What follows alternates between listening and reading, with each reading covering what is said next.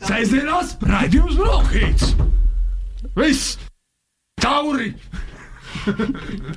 Ir viss tauri ar bronhītu. Tāpatās no manis nekas jēdzīgs nesanāca šodien. Esiet sveicināti rādījumā, klausītāji. Ir sestdiena, 18. septembris, un ar jums nākamo stundu kopā būs literatūras raidījums Bronhīts. Un uh, Bronhīts šajā sezonā skan katru otro sestdienu. Bet pirms mēs iepazīstinām ar šīs dienas viesņu, um, man, vai drīzāk mums, ir jaunumi. Un es priecājos ziņot, ka Sestdienās bronhītu vadīšu ne tikai es, Signe Viška, bet arī mans jaunais kolēģis, dzinieks Edvards Kuks. Sveiki, klausītāji! Esmu ļoti, ļoti priecīga, ka Edvards šajā sezonā ir piekris pievienoties uh, Bronhīta komandai. Es domāju, ka šī sezona tāpēc būs ne tikai jautra un forša, bet arī ārkārtīgi kalambūrīga. Un es ļoti, ļoti priecājos par šo jauno sezonu un iespēju strādāt kopā. Es priecājos, ka es piekrītu, tāpēc, ka es nodomāju, nu šis gan man nāks par labu. Es beidzot lasīšu vairāk un uh, pat par to ar kādu parunāšu pārmaiņas pēc. Jā, un šodien arī mēs parunāsim patiesībā. Šodien studijā mēs saskarsimies ar divām debijām, ne tikai ar Edvarda debiju Rādionaba studijā, bet arī ar Elīnas Kokarevičas stāstu krājumu rēgi, un Elīna arī pie mums ir studijā. Sveika! Sveiki! Un šis ir tavs debijas stāstu krājums, vai arī drīzāk stāstu cikls. Kā tu pati uh, raksturotu vispār šī krājuma uzbūvi un tapšanas gaitu. Pastāsti mazliet vairāk par to.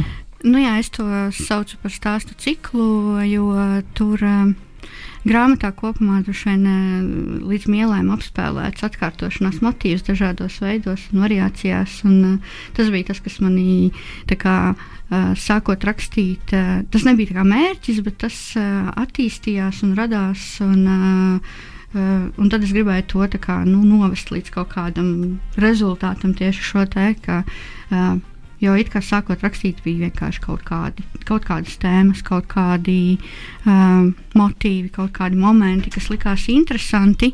Uh, bet, uh, Bet, jā, un tad procesā sapratu, ka man, man šobrīd tiešām interesē šis atkārtojums. Un, tāpēc tas ir stāstu cikls, kurā uh, nu, katrs lasītājs var nolasīt kā, savā veidā, savā variācijā, bet uh, tikpat labi varētu izlasīt par vienu cilvēku visus stāstus, kā par deviņiem dažādiem cilvēkiem. Un, uh, jā, kaut kā tā. Es ceru, ka es atbildēju.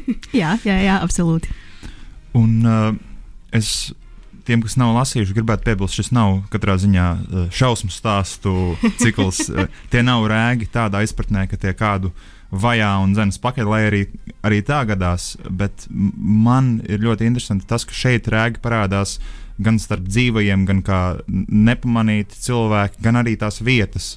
Un man radās jautājums, kurā brīdī tā stāstu krājuma cikla tapšanas procesā tev izkristalizējās šāds uh, rēgu attainojums, šā, uh, sa, tas tavs, uh, var teikt, tā, tā pasaules uzbūve. Um, jā, ļoti interesanti. Jā. Labs jautājums un sarežģīts jautājums, jo es nezinu, droši vien nu, ir dažādas rakstības, dažādi rakstības stili, dažādi rakstības paņēmieni un veidi, kā, kā rakstnieki un autori dzēnieki raksta. Uh, manā gadījumā tas viss sākās ļoti automātiski. Es, uh, tas nebija tāds apzināts lēmums. Es tagad rakstīšu stāstu krājumu vai stāstus un uh, piesēdos un izdomāju koncepciju vienkārši kaut kādā brīdī. Es nezinu, kāpēc man uzrakstījās trīs stāsti. Nu, kā, un tad es um, kā, pamanīju, jā, ka tur ka viņus var salikt tādā, ka tur kaut kādi tādi motīvi, kas, kas caurvīja to, to visu. Un, un tad pagāja kaut kāds laiks, viņš uzrakstīja vēl dažus stāstus. Un, uh, man liekas, ka tas uh, tajā brīdī tas nebija ļoti apzināti. Uh, tas, tas notika kaut kā vismaz man bija pašai tāda sajūta, ka ir tā, ka nu, tā kā sēdi un kāds vienkārši nu, tā, nu, liek tev uzrakstīt šo nu, par šo. Un, uh, un, tad, uh, jā, un tad, kad es jau sāku runāt par grāmatas izdošanu, tad, uh, tad uh, es vairāk tomēr arī piedomāju pie tā, lai ir šie motīvi, kas atkārtojas, tie spoku, rēga motīvs un arī ar redaktoru Ingu Gaili mēs par to runājām, kur tas varētu kā, nu, parādīties vēl. Un, jo tas, nu, jā, drīzāk tā, tā apzināta, tā konceptuālā pieeja sākās tad, kad sāk jau saprast, ka tā būs grāmata, nevis ka tas ir tikai man vai kaut kas tāds nu, nenoteikts. Un ku, kurā brīdī tu sāki par to domāt vairāk kā par grāmatu, nekā par atsevišķiem stāstiem? Uh, jā, tas tapšanas stāsts ir tāds, ka uh, pirmo stāstu uzrakstīju 2014. gadā, kas ir samērā sen. Un, protams, ir pagājis diezgan daudz laiks, un arī es tā kā mainījos no tiem pirmajiem stāstiem. Viņi tika arī diezgan pārstrādāti, jo, jo man likās, ka es vairs neesmu tas cilvēks, kas to nu, kā, ka varētu kā, nopublicēt to, ko es esmu uzrakstījis pirms nu, jau septiņiem gadiem. Bet jā, nu, un tad. Nu, sanāca tā, ka mums uh, sadarbojos ar Snorri Karkanu Sensonu, kurš ir uh, valodu mājas uh, dibinātājs un, un izdevniecības vadītājs arī.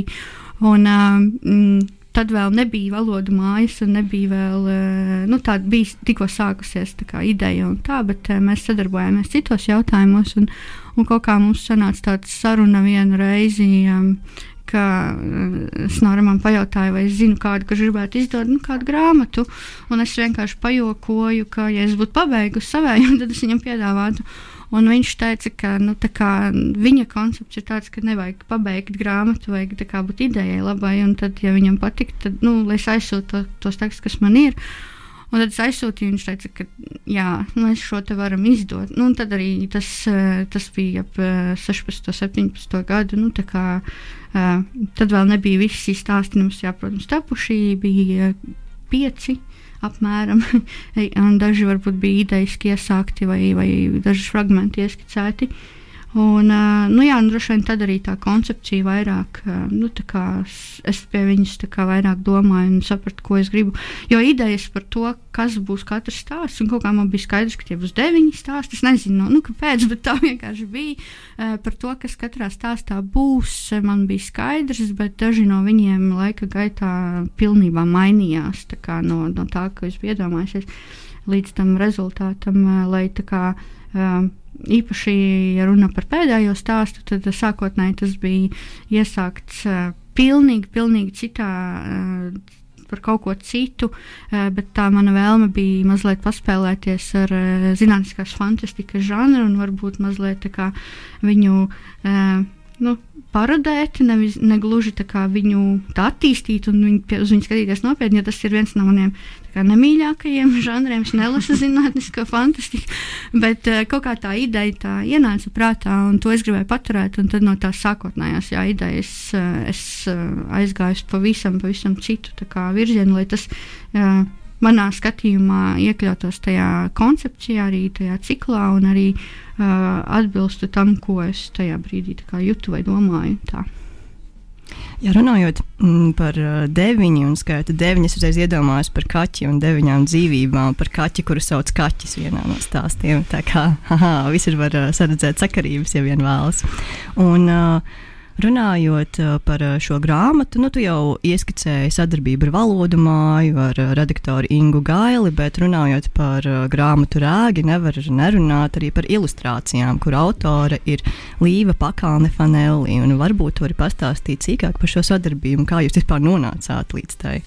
Uh, nu jā, tad, kad no, bija bija tā, mēs tikāmies ar Ingu, uh, un uh, viņa kā, mudināja sniegt kultūra kapitāla fondam projektu. Un, uh, jo teic, nu, viņ, viņas, viņas ieskatā viņa teica, ka ir kā, stāsti ir gatavi, lai gan es varbūt tajā brīdī tā nedomāju. bet tad, nu, jā, tad, protams, kad sāka nu, kā, projekta aprises iezīmēties, tad mēs sapratām, ka ir nepieciešams kāds mākslinieks, ko piesaistīt, jo arī valodu mājas kā grāmatniecības viens no principiem ir izdot grāmatas, kas vienlaikus ir kā, tekstuāli, nu, plus mīnus.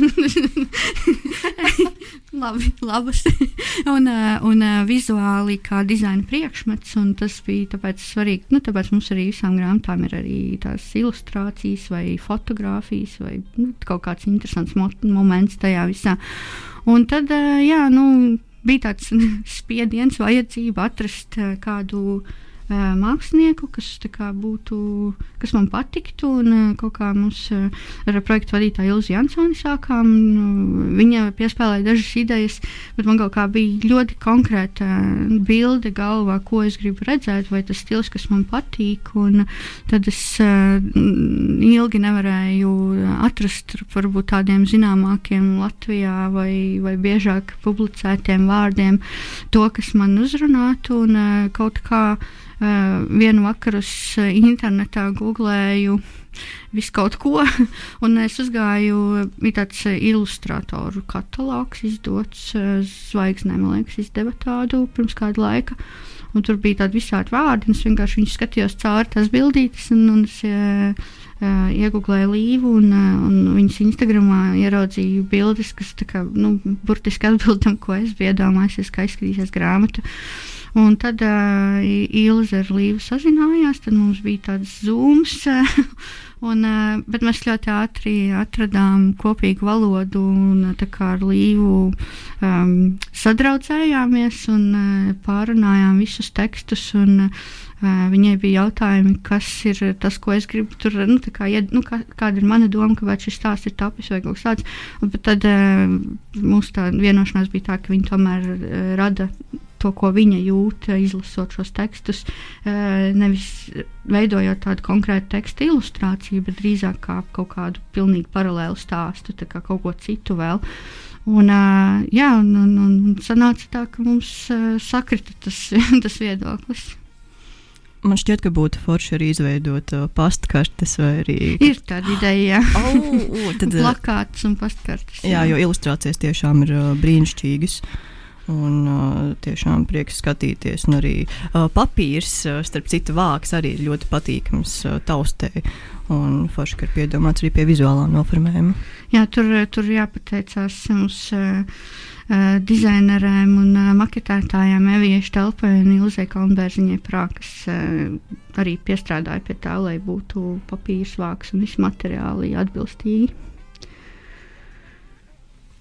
Nu, un es domāju, ja jau reiz uh, mēs esam uh, jau tālāk. Uh, Iečāpojuši grāmatā, teiksim tā, uh, varbūt paklausīsimies nelielu fragment no grāmatas tavā lasījumā. Uh, labi, es uh, sākšu ar tādu īsu fragment no trešā stāsta. Uh, trešais stāsts ir par um, Hannu, kurā pamostas uh, no rīta kādā dienā un konstatēja, kļuvusi neredzama. Un uh, es lasīšu fragment no vidus, vienkārši lai ir skaidrs, ka viņa ir neredzama. Tad viņa figurē uh, tekstā kā neredzams cilvēks. Uh, pie durvīm atskanēja klauvējiens. Tas izskanēja dobi un pirmajā iezvanīja dzīvību tēvā. Bija pavēls. Ričards jau taisījās, vai vismaz izlikās, taisāmies gulēt, bet vecāki pelēki kā betona flīzes sēdēja pie televizora un blenza zaigojošajās ekrāna gaismās. Hanna stāvēja pie loga, aizkars mazliet pavērts un skatījās ārā tumsā, un tad klauvējiens. Tēvs atrāvās no televizora ekrāna, piecēlās un lēni tuvojās durvīm, tad it kā pamodās un elpu ievilka māte. Tēvs atskatījās, notrauca no džempera kaut kādu viņam vienu redzamu pulku un atvēra durvis. Varbūt ziņas par Hannu māte nočukstēja un uzreiz sāka raudāt. Klusi, bet asaras bija. Ko tu te dari? tēvs jautāja. Nu, kas jums te noticis? Hanna izdzirdēja neierasti skaļu un mazliet neskaidru runāšanu. Tēvocis Bils bija ierēbis, bet par spīti tam Hanna priecājās viņu redzot. Pāri malā viņš noteica tēva virzienā un ievēlās dzīvojamajā istabā. Viņš izskatījās neiederīgi milzīgs un dzīvīgs mājā, kas kopš Hannas kļūšanas neredzamai bija pārvērtusies par klusuma šņukstu un baiļu namu. Būs jautrāk. Kāpnēs parādījās Ričards, bet māte viņam teica, lai viņš atgriežas savā istabā, un viņš paklausīja. Es jau neesmu viesis, Ričards Bils nosauca viņam pakaļ un iesmējās. Ak, cik sen Hanna nebija dzirdējusi smieklus! Tēvocis izlikās neredzam mātes izmisumu, pagāja viņai garām un iemetās dīvānā, apavus un virsdrēbes nenovilcis. Kas jums te noticis? Dzirdēju par radio, Hanna pazudusi. Tiesa vai? Tiesa, tiesa, tēvs novilka, bet ieraudzījis mātes dusmīgo skatienu turpināja citādi. Mēs neesam gatavi viesiem šobrīd, ceru, saproti. Stāstiet, nu, Bills nepievērsis tēva runām uzmanību, nodārdināja pa visu māju un tad pagriezās pret tēvu. Viskijs, viņš teica, it kā māti vispār neredzētu, tev to, tieši tev to šobrīd vajag. Tiec ar viņu galā māte nošņāca tēva virzienā un pazuda virtuvē. Tiklīdz māte izgaisa billes skatienam, viņš izvilka no azotes papīrā ietītu pudeli, noskrūvēja svāciņu, ierāva malku un tad pasniedza pudeli tēvam. Tēvs pameta nedrošu skatienu virtuves virzienā, nemanījis neko aizdomīgu, piegāja tuvāk billam un paņēma pastiepto pudeli. Aizdomīgi to paostījis, tēvs beidzot pielika to pie lūpām un dzēra. Hanna iespurdzās, dzēra bez apstājas, ilgi. Ja māte to redzētu, tu taču zini, Margu piedzē, padzēris tēvs teica Billam. Zinu, Bills atbildēja. Nu tad ejam, izstāstīsi, kas noticis. Tēvs uzmet uz pleciem jaku, uzvilka kājās kurpes un viņi izgāja ārā. Hanna gāja līdzi, pārāk interesanti, un raudošā māte jau bija līdz kaklam. Ko jūs Hannai nodarījāt? Tā? Bils it kā netīšām, bet skaļi izmeta. Tēvs un Bils lēnā solī gāja pa ielu, ko apgaismoja laternas, iekrāsodamas apkārtni oranžīgi dzeltenu. Bils ik pa laikam iedzēra no papīrā ieslēptās pudeles. Šajā nomalē viņš izskatījās kā Hagrids mašķīgstē. Tēvs blakus likās sīks un tvārks, sarāvies, pelēks. Kurš? Tēvs sarāvās vēl mazāks un pameta skatienu apkārt. Nebļauj tik skaļi, kādēļ, mēs viņai kaut ko nodarītu, ko tu runā? Ha, ha! Bils noducināja, kurš tad jūs nepazīst, stāsti. Kā tu pie mums nokļuvi, tēvs pajautāja. Bils neko neatbildēja. Kādu brīdi viņi gāja klusēdami. Hanna gāja abiem līdzās, gaidīja, kas sekos tālāk. Vai tu tiešām domā, ka mēs būtu Hannu nozūmējuši un norakuši dārzā, vai Hanna vienkārši ir pazudusi, un viss? Kā un viss? Nu viss, nezinām, kur viņa ir. Izmeklētāji domā, ka Hanna varbūt negrib, lai viņu meklētu. Klusums. Abi vīrieši vairs kādu brīdi nerunāja. Sēžamās raidījums Brokhīts! Viss! Tauri! Ir viss tauri ar bronhītu. Tāpatās no manis nekas jēdzīgs nesanāca šodien. Labdien, radio un abu klausītāji! Esam atpakaļ Nabas studijā un raidījumā Bronhīts ar jums ir Signa Viška, Edvards Kuks un mūsu viesa Elīna Kokoreviča. Uh, un mēs runājam par Elīnas uh, debijas stāstu ciklu Rēgi. Un viens no elementiem, kas manī radīja ļoti daudz jautājumu, bija telpas klātbūtne vai iespējams telpas ne, nekonkrētība, nesamība stāstu krājumā. Proti, ir ļoti daudz vietu, dažādu, kurām bieži vien viņas nav nekad mums konkretizētas. Uh, ir gan perifērijas, gan pilsētas, gan okeāna nomals, gan, uh, gan uh, lauki. Un, uh, tie tomēr tiek saglabāti arī tādā mazliet miglā. Un vai tas bija apzināts solis uh, atsevišķināt to no konkrētām vietām, vai drīzāk vienkārši izrietēja no procesa. Tas ļoti interesanti. Atkal, eh, jāsaka, paldies par jautājumu. Eh, jo nu, man eh, likās, ka tās vietas, nu labi, ne visas, bet dažas ir ļoti konkrēti nolasāmas.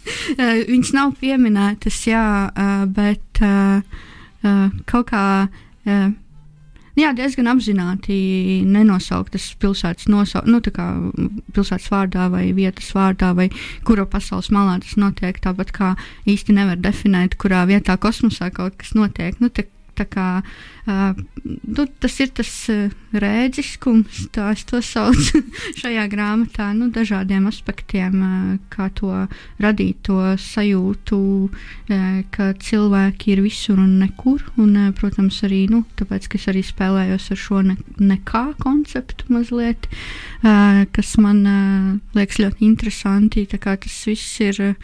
Bet, nu, jā, nu, daļēji apzināti, daļēji varbūt neapzināti, ne visos gadījumos gadījumos, dažos stāstos, manuprāt, nebija svarīgi tā kā vieta, definēt uh, vietu. Uh, dažos stāstos, daži stāstī, nu, īpaši viens stāsts par pilī radās tieši tāpēc, no konkrētas vietas izējot, bet, nu, um, uzskatīsim, ka tā ir nevienam nenolasāma un nezināma pilsēta. nu, katrā ziņā tā ir man nenolasāma pilsēta. Un ļoti daudz ir arī ne tikai šīs vietas, bet arī pārvietošanās, pārvākšanās, eh, vietu atkal apgūšana, vietu pamešana. Eh, vai kaut kādā ziņā šis motīvs arī saistās ar šo tevis piesakto rēdziskumu? Eh, un vai tev šķiet, ka cilvēkus nosaka viņu attiecības ar vidi tik daudz, kā tas reizēm ir grāmatā?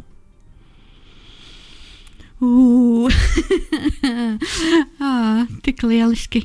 Uh, par šito varētu referātu uzrakstīt. Noteikti es. Nē, mums nav laika. Ne, es, es mēģināšu atbildēt. Uh, um, ir. Uh, es nezinu, vai es varu atbildēt. Es varu mēģināt tiešām kaut kā. Uh, mm, es domāju, ka daļa no tā ir tāda sakritība kaut kādā veidā. Nu, Un kaut kā rakstās un uzrakstās tas, kas uzrakstās, un uh, tas nostrādā un, uh, un ie, ie, iekļaujas tādā nu, cikliskumā, tādā atkārtošanas, tai pašā atkārtošanas motīvā. Uh, par vietas nozīmi tas ir viens stāsts, kur ir tieši tā kā nu, vietā, kā tāds centrālais, nu, viens no centrālajiem tādiem momentiem. Un tas ir, tas ir tāds varbūt mazliet biogrāfisks moments, tīri no tās sajūtas, ka ir ļoti interesanti apgūt jaunas vietas. Nu, piemēram, es neesmu Rīgas iedzimtā, un tad, kad es pārcēlos uz Rīgu, es, man personīgi nav viegli iejusties jaunā vietā, uzreiz tā, nu, tā kā, bet tad, kad tā kā atnāk tā sajūta, ka tas tajā vietā, tad ir ļoti interesanti nokļūt tur, nezinu, tur zolitūdē, Ziepniekalnā pļauniekos, meža parkā, nu, tā kā saprast, eh, cik ļoti tās vietas ir dažādas, bet tajā pašā laikā, cik tas viss ir saistīts, un ka tu vari nokļūt vienā Rīgas vietā no piecām dažādām pusēm, izrādās, ka tas viss ir savā saistīts, nu, tik ļoti saistīts, un, uh, un tas varbūt ir kaut kā krājumā ie, iegājis tīri neapzināti. Nu, tā, tas ir tas, kas man pašai liekas interesanti. Nu, tā, tā kā, būt kaut kā pārvietoties, iepazīt jaunu vidi, vietas, vai kā cilvēks tajā jūtas, vai uzreiz tā kā iejūtas, vai neiejūtas. Nu, kaut kas tāds. Tā teikt, tas uh, jurģošanās motīvs. nu, jā, tā, var, tā arī to var nosaukt. Jā. Jā, un uh, Elīna, tu jau pieminēji stāstu par pilījumu, un par uh, to arī bija sagatavots atsevišķs jautājums. Un, uh, uh, tas ir uh, īsumā nu, stāsts par sievieti, kas no pilsētas pārceļas uz uh, savu dzimto ciematu. Ciemats, vai ne? Tā? Jā, Jā ciemats. Nu, lūk, un, uh, tad viņa sāk strādāt bibliotekā, un uh, viņa bērnībā bija sapņojusi, ka viņai piemetīs īpašas neparastas spējas sazināties ar grāmatām. Nu, lūk, mans jautājums ir, uh, kādam cilvēkam jābūt, lai spētu sazināties ar grāmatām un lai šī saikne būtu noturīga? Vai tu spēj sazināties ar grāmatām? Ar dažām noteikti. es domāju, jā, noteikti, ja cilvēkam patīk lasīt, tad viņš spēj sazināties ar grāmatām. Un, uh, tas atkal ir jautājums, individuāli ar kādām, kurš sazinās, jo kas kuram ir tuvāks un mīļāks. Uh, bet, nu, jā, man, no, man, man personīgi no, no diezgan agras bērnības grāmatas ir bijušas svarīgas un tuvas. Un, uh, tā kā es arī esmu studējis literatūru, zināt, kaut kādā varbūt nu, tādā. Zināmā līmenī es spēju ar viņiem sazināties, vai saprast, ko viņas vēsta, vai ko autori vēsta, vai tam līdzīgi. Es nevaru teikt, ka es saprotu visu un, un, un, un, un spēju nolasīt visu, bet uh, tas, ka grāmatas arī nu, manā ikdienā ir diezgan tuvs, jo es arī tagad strādāju ar grāmatu izdošanu un no cita procesa iepazīstu šo, uh, šo objektu, šo parādību, fenomenu, kā to nosaukt. Uh, Jā, es nezinu, nu, būšu pašpārliecināts un teikšu, ka es spēju sazināties ar grāmatām. Vai tev ir kādas grāmatas, pie kurām tu atgriezies? Uh, filmas vairāk, uh, grāmatas.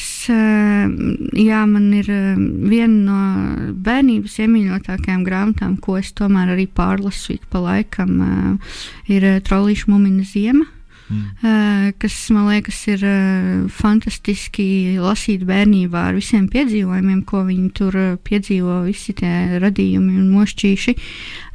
Bet tad, kad tu pieaug un saproti, cik ļoti eksistenciāli un par ko īstenībā ir tā grāmata, tas mazliet iebliež no citas puses. Un, tas ir jā, iespējams, ka grāmatas, pie kurām es atgriežos, ir grāmatas, kuras es esmu lasījusi bērnībā un kuras man ir palikušas nu, dziļi, dziļi kaut kur iekšā.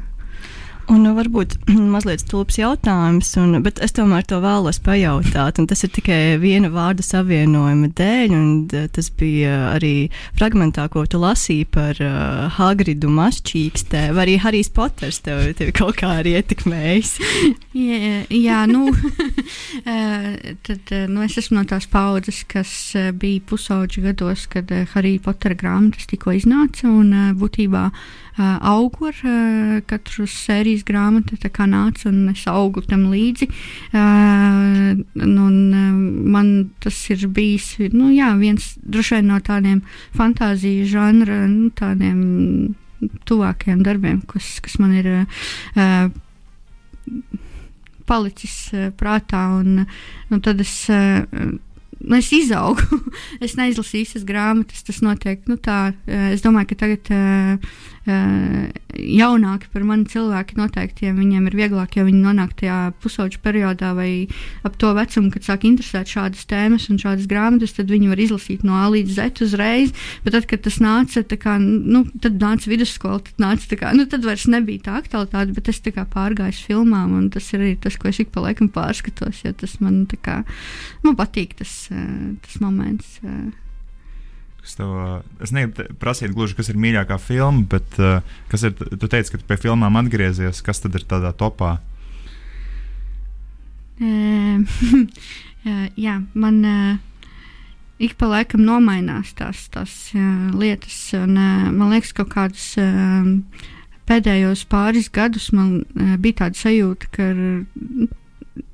filmas ir kļuvušas tādas uh, seklākas un, uh, un garlaicīgākas, bet uh, šī gada sākumā, uh, kas man likās, nu, tas man tā pārsteidza un ļoti, ļoti uzrunāja, uh, kad parādījās filma Nomadland, uh, kas dabūja arī Oskaru. Un uh, šī filma ir uh, tāda, ko es esmu redzējis jau kādas sešas reizes. Uh, man viņa tā kā ļoti uh, uh, uzrunā tieši šobrīd. Es par viņu daudz domāju, un uh, katru reizi pārskatoties, es kaut kādus citus momentus redzu tajā.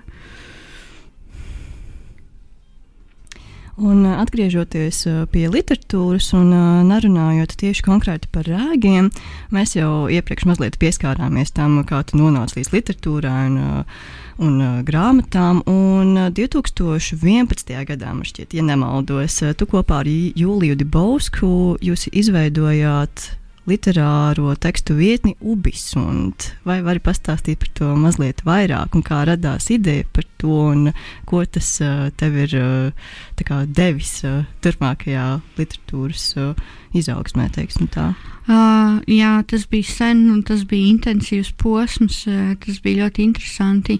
Uh, ideja radās tā, ka ap to laiku. Um, pazuda kultūras mēdīja prese. Uh, bija kultūras fórums, avīze, kas uh, pazuda, un uh, literatūras karoks vairs neiznāca. Un, būtībā gandrīz nekā nebija.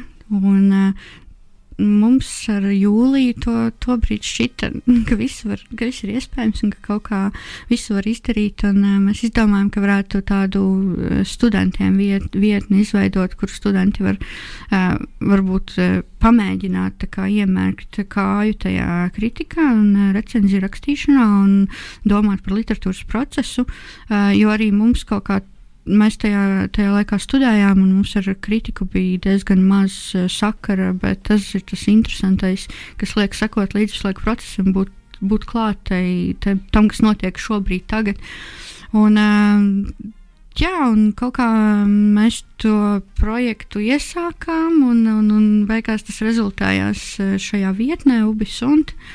Un, uh, mūsu mērķis sākumā bija diezgan tāds. Uh, Es nezinu, kā mēs to vispār īstenojām. Kādus gadus, trīs, četrus, diezgan daudz publicēt. Nu, praktiski par visu, kas iznāk, arī par grāmatām, varbūt par ko parasti neraksta, ar domu, ka uh, varētu apskatīt arī varbūt uh, literatūru, kur, kuru um, teiksim, tā, um, profesionālajā kritikā neuzskata par pietiekami vērtīgu un paskatīties, uh, kāpēc. Nu, kā iezīmēt to, jo par spīti tam arī nu, tādai literatūrai Latvijā ir ļoti liels lasītāju skaits, tāpēc viņi iznāk.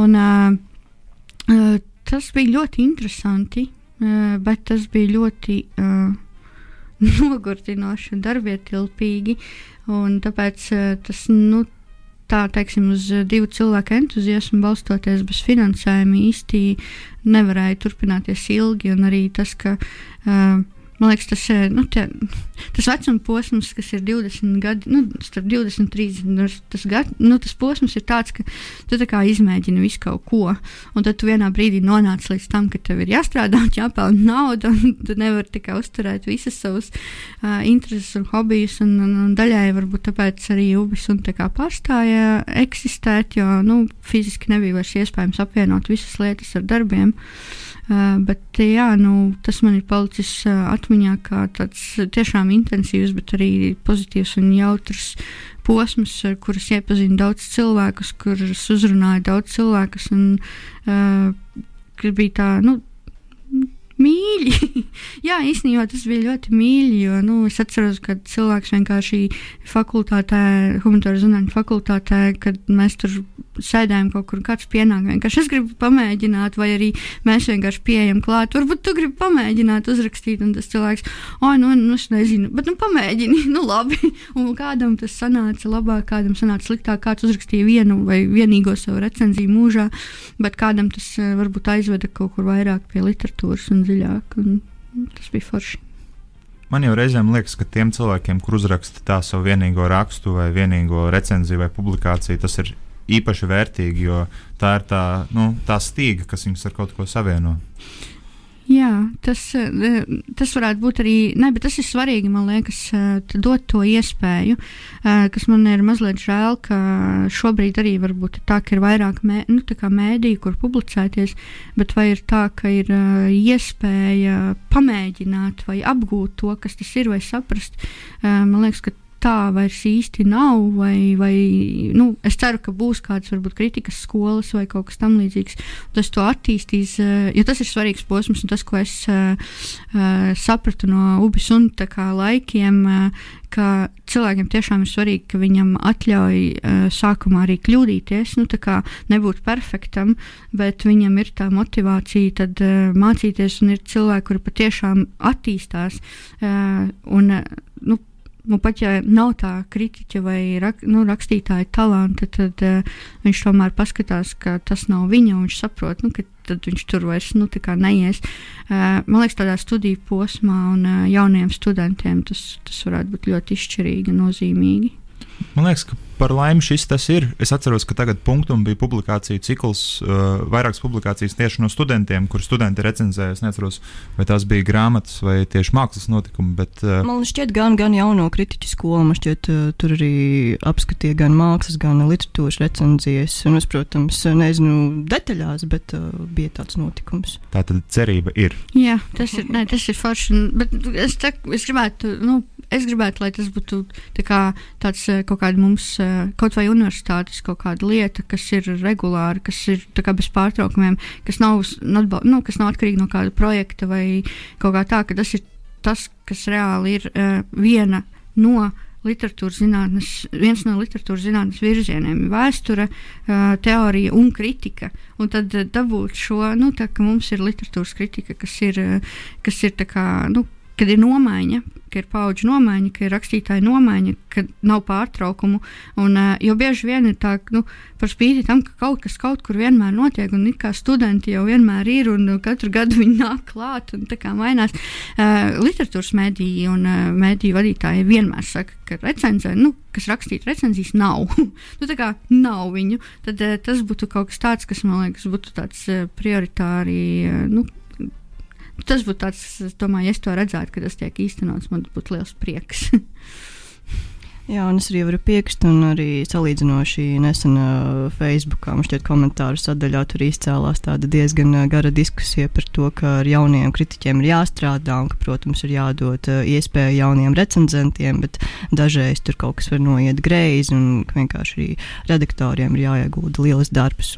Dažreiz vienkārši fiziski nav laika ieguldīt to milzīgo darbu. Nu, jā, tāpēc, tāpēc ir jābūt, vai nu tas ir universitātes finansēts kaut kas, kaut kas vai nu, tam tāds regulārs finansējums, kas strādā tieši ar šo, uh, lai arī par spīti nu, tam, ka varbūt izklausās, jā, nu, tur nebūs katru reizi izcils rezultāts, tas ir ilg, ilgtermiņa ieguldījums, manuprāt. Manuprāt, sliktākais, ko var izdarīt uh, jauns kritiķis, ir nenodot savu recenziju. Nu, tā kā pieteikties un nenodot. Tas, manuprāt, ir pirmais solis. No, nodot, uh, nodot nu, iesūtāmos darbus. Jā, saņemties un izdarīt pat, ja ir tādas, vai arī, bet nē, es domāju, ka ir ļoti svarīgi arī būt godīgam un pateikt, ka es tā kā gribēju, bet laikam nebūs. Un nevis tā, ka e, mūsu Ubisona laikos bija tā, ka daži paņēma grāmatas un pazuda. E, nu, tā kā, nu, tā kā viņš nogaustoja. Jā, jā, jā. jā. E, viņš, viņš nu, būtu forši vienkārši, ka cilvēks pasaka, ka sorry, nu, ir tā, kā ir, es domāju. bet, uh, jā, ir svarīgi nu, pamēģināt. Jā, man uh, prieks, ka mēs aizrunājamies arī līdz šai uh, kritikas. Uh, sfērai. Un es domāju, ka ir laiks nākamajai muzikālajai pauzē. Es vēlos piebilst, ka skaņu celiņš, kas uh, skan šajā raidījumā, ir uh, negluži Elīnas izvēlēts, bet uh, dažas dziesmas ir uh, izvēlētas no stāsta krājuma, kas nu, pieminētās dziesmas, un arī dažas ir tās, kuras uh, Elīna teica, ka vēlētos dzirdēt ēterā. Un tad dosimies īsā muzikālā pauzē, un tad jau drīz būsim atpakaļ ar pēdējo raidījumu daļu. Sēžamās raidījums Brokhīts! Viss! Tauri! Ir viss tauri ar bronhītu. Tāpat no manis nekas jēdzīgs nesanāca šodien. Un esam atpakaļ rādījumā, studijā, literatūras raidījumā Bronhīts. Ar jums kopā ir Signa Viška, Edvards Kuks un mūsu viesņa Elīna Kokareviča. Mēs turpinām sarunu uh, ne tikai par Elīnas uh, debijas grāmatu rēgi, bet arī vispār par literatūru, kritiku un daudzām citām lietām. Bet uh, mēs pamazām tuvojamies raidījuma noslēgumam. Un, uh, man ir jautājums, kas arī sastāv no citāta no tavas grāmatas. Un uh, ir tā, ka, nu, ka tos stāstos narratīvi arī atsaucas uz, uh, uz dziesmām, uz uh, filmām, uz literatūru un vispār kultūru kā tādu. Un uh, otrajā stāstā Miglājs, uh, viena no varonēm, saka, Tad, kad es izlasīju Barbaras Hamaras interviju, man pēkšņi gribējās, lai visi to būtu lasījuši un redzētu, saprastu, patiešām saprastu, kas ir prieks par dzīvi. Varbūt tas bija tāpēc, ka mēs tik reti dabūjām priecāties par dzīvi, vai ka dabūjām to ļoti klusi, slēgti tikai sev. Nevis tā, kā cilvēki parasti mēdz priecāties par dzīvi. Un tad nu, mans jautājums ir, Vai Barbara Hamera arī tavā acīs ir nozīmīga personība, un kas tad ir tas patiešām īstais prieks par dzīvi? Uh, ja tā, Barbara Hamera bija mans ne, nejaušais atklājums. Uh, viņa bija amerikāņu uh, lesbiešu kino režisore, uh, kurā uh, daudzus, daudzus gadus filmēja dokumentālos filmus uh, par lesbiešu dzīvi Amerikā. Un intervija, ko es atklāju, nu, tā kā netīšām uzgāju, caur ko es uzzināju, ka viņa eksistē, uh, bija viņas, nu, viņa tā kā arī saucās um, exit interviju, uh, jo viņa bija uh, slima ar vēzi un bija zināms, ka viņa tā kā, nu, drīz nebūs vairs.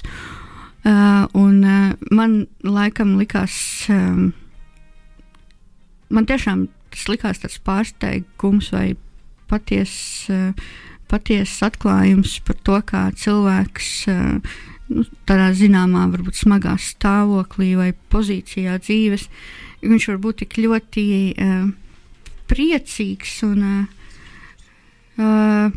jā, tāds uh, eksistenciāli atbrīvots. Un uh, spēt paskatīties uz savu dzīvi un to, ko viņš ir izdarījis, un vispār uz dzīvi ar tādu pozitīvismu, kas man liekas, varbūt arī uh, ir tāds uh, amerikānisms, uh, ja mēs to skatāmies tā varbūt no vienas puses, un Latvijā nav tik izplatīti, uh, spēt uh, priecāties par lietām tā patiesi, jo mums uh, kaut kā gribas vairāk runāt par to, kas mums sāp vai kas, kādas problēmas mums ir. Uh, bet uh, tieši viņas intervija jā, bija tik ļoti uh, atbrīvojoša. Un, uh, tas moments manā galvā ilgi bija, un tāpēc es to ierakstīju arī stāstā ar domu, ka varbūt kāds uh, caur šo atklās arī šādu personību. Jā, tas uh, nostrādāja, jo, jo es arī tieši caur to stāstu atklāju, ka wow, šī personība ir eksistējusi, un tur jau uzreiz lasīju vairāk par viņu. Un, jā, tāpēc ļoti priecājos, ka es tomēr pajautāju šo jautājumu. Uh, tu saki, ka tev šī intervija vai šī viņas intervijas priekpilnā apziņa ir atbrīvojoša, un es arī lasot ļoti bieži to rēgas stāvokli, jūtu kā atbrīvojošu. Gan ir stāsti, kur tas tavs fragments, kur Hanna ir neredzama un viņai pēkšņi ir iespēja uh, redzēt, kas notiek bez viņas, kā kaut kādā ziņā viņa interesē, cilvēki, cilvēki par viņu uztraucas citādi, vai stāstā ar pili, kur mūsu stāstītāji. Es negribu gluži cilvēkiem izbojāt stāstu, bet viņi arī caur šo saikni ar rēgiem uh, iegūst kaut kādu citu brīvību. Un, kas ir šī brīvība, kas ir netveramajā, kas ir neredzamajā, jo tas nav viennozīmīgi skumji tēlots tavā grāmatā. Man liekas, ka ir skumji. Nē, ir jā, par to. Um, nu, tie rēgi, tie ir. Uh, Es domāju, tā ir tāda dzīves iz, nu, izjūta vai sajūta. Un, tā kā es raksturoju grāmatu, tas arī parādījās relīzē, ka uh, lielākoties runa nav par cilvēkiem, runa ir par kaut kādām personificētām emocijām, kas vai tas tēls, galvenais stāsta tēls, viņš iemieso kaut kādu. Uh, uh, emocija, kas man tajā brīdī ir bijusi svarīga, un viņš to kā, nu, personificē un parāda, kā, tas, eh, kā viņi kā, izpaužās vai kaut kas tāds. Tā kā tas ir tāds. Uh, Nu jā, tā, tā, tā sajūta, ka, ka ir kaut kāda, ka mums ir dažādas dzīves, ko mēs dzīvojam, ir un dažādiem cilvēkiem ir dažādas dzīves, un ka sabiedrībā ir liela daļa cilvēku, kas neapzinās, ka ir cilvēki, kuri kaut vai ikdienā esot starp, starp viņiem jūtas vai ir rēgi, ka viņi dzīvo pilnīgi kā, kaut kādu dzīvi, kas, kas reāli. Nu, Par ko vispār neviens nevar iedomāties, ka tā ir kaut kāda nu, emociju, uh, mīlestības un uh, tāda, nu, tāda pilna dzīve, kas ir, par ko mēs nerunājam ikdienā vispār. Un runājot par nāvi, tā arī ir diezgan klātesoša vairākos stāstos, un ne jau tāpēc, ka tur runa būtu par rēgiem, bet vienkārši tā sajūta. Un arī vienā stāstā ir bērns, un uh, arī citāts ir tikai apkārt stāvošie cilvēki bija liecība, ka reiz viņa dzīvojusi. Un tomēr radās jautājums, uh, varbūt mazliet banāls, bet kas vispār ir tas, kas paliek pāri pēc mums? Jo ar māksliniekiem un rakstniekiem it kā, un vispār cilvēkiem, kas kaut ko rada, ir diezgan vienkārši vienkārši. Nu, tur paliek grāmatas, tur mākslas darbi un dziesmas, bet eh, kā ir. Eh, nu, es negribu teikt, ar pārējiem. Nē, nu, tas jau ir. Bet man... tu tomēr to pateici. nu, jā, tas jau, tas jau atkal ļoti individuāli. Droši vien tā mana, mana uztvere, nu, es piekrītu tam, varbūt vispār zināmajam, ka kamēr mūs atcerās, tikmēr mēs dzīvojam, vai kamēr par mums runā, vai kaut vai, nu, tiešām, jo pēdējais, pēdējais cilvēks, kurš kā, aizies un at, nu, ar pēdējo atmiņu, un pēc tam vairs nebūs, tad, tad teorētiski pārstāj eksistēt. Tas jau vienīgais, kas paliek. Citi cilvēki, nu, tas tev, ir nospiedumi citos cilvēkos, ko tas atstājis.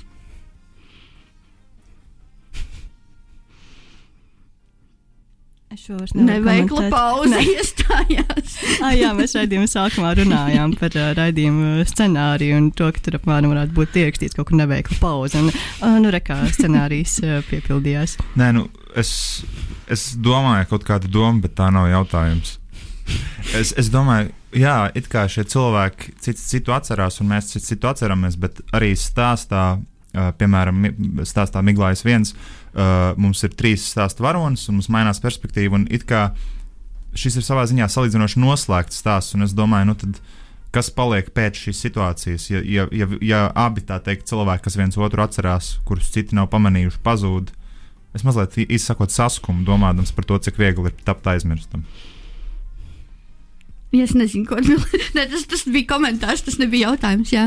Uh, bet, uh, jā, nu, par, tieši par Miglāju viens. Uh, tas, uh, tas bija tāds, ko es tiešām visvairāk domāju par to, ka ir trīs, uh, trīs varonis ar trim perspektīvām, bet tas, tās ir izteiktās emocijas, kas satiekas tādā, nu, tāpēc arī tas nosaukums Miglājas, nu, ka tur ir tie putekļi, kuri griežas un vai no tiem uh, tā kā izveidojas zvaigzne vai neizveidojas. Nu, tā kā, un šajā gadījumā, nu, paliek atvērts jautājums. Tas nav lasītājs atkarīgs, kā viņam šķiet, vai izveidojas vai neizveidojas.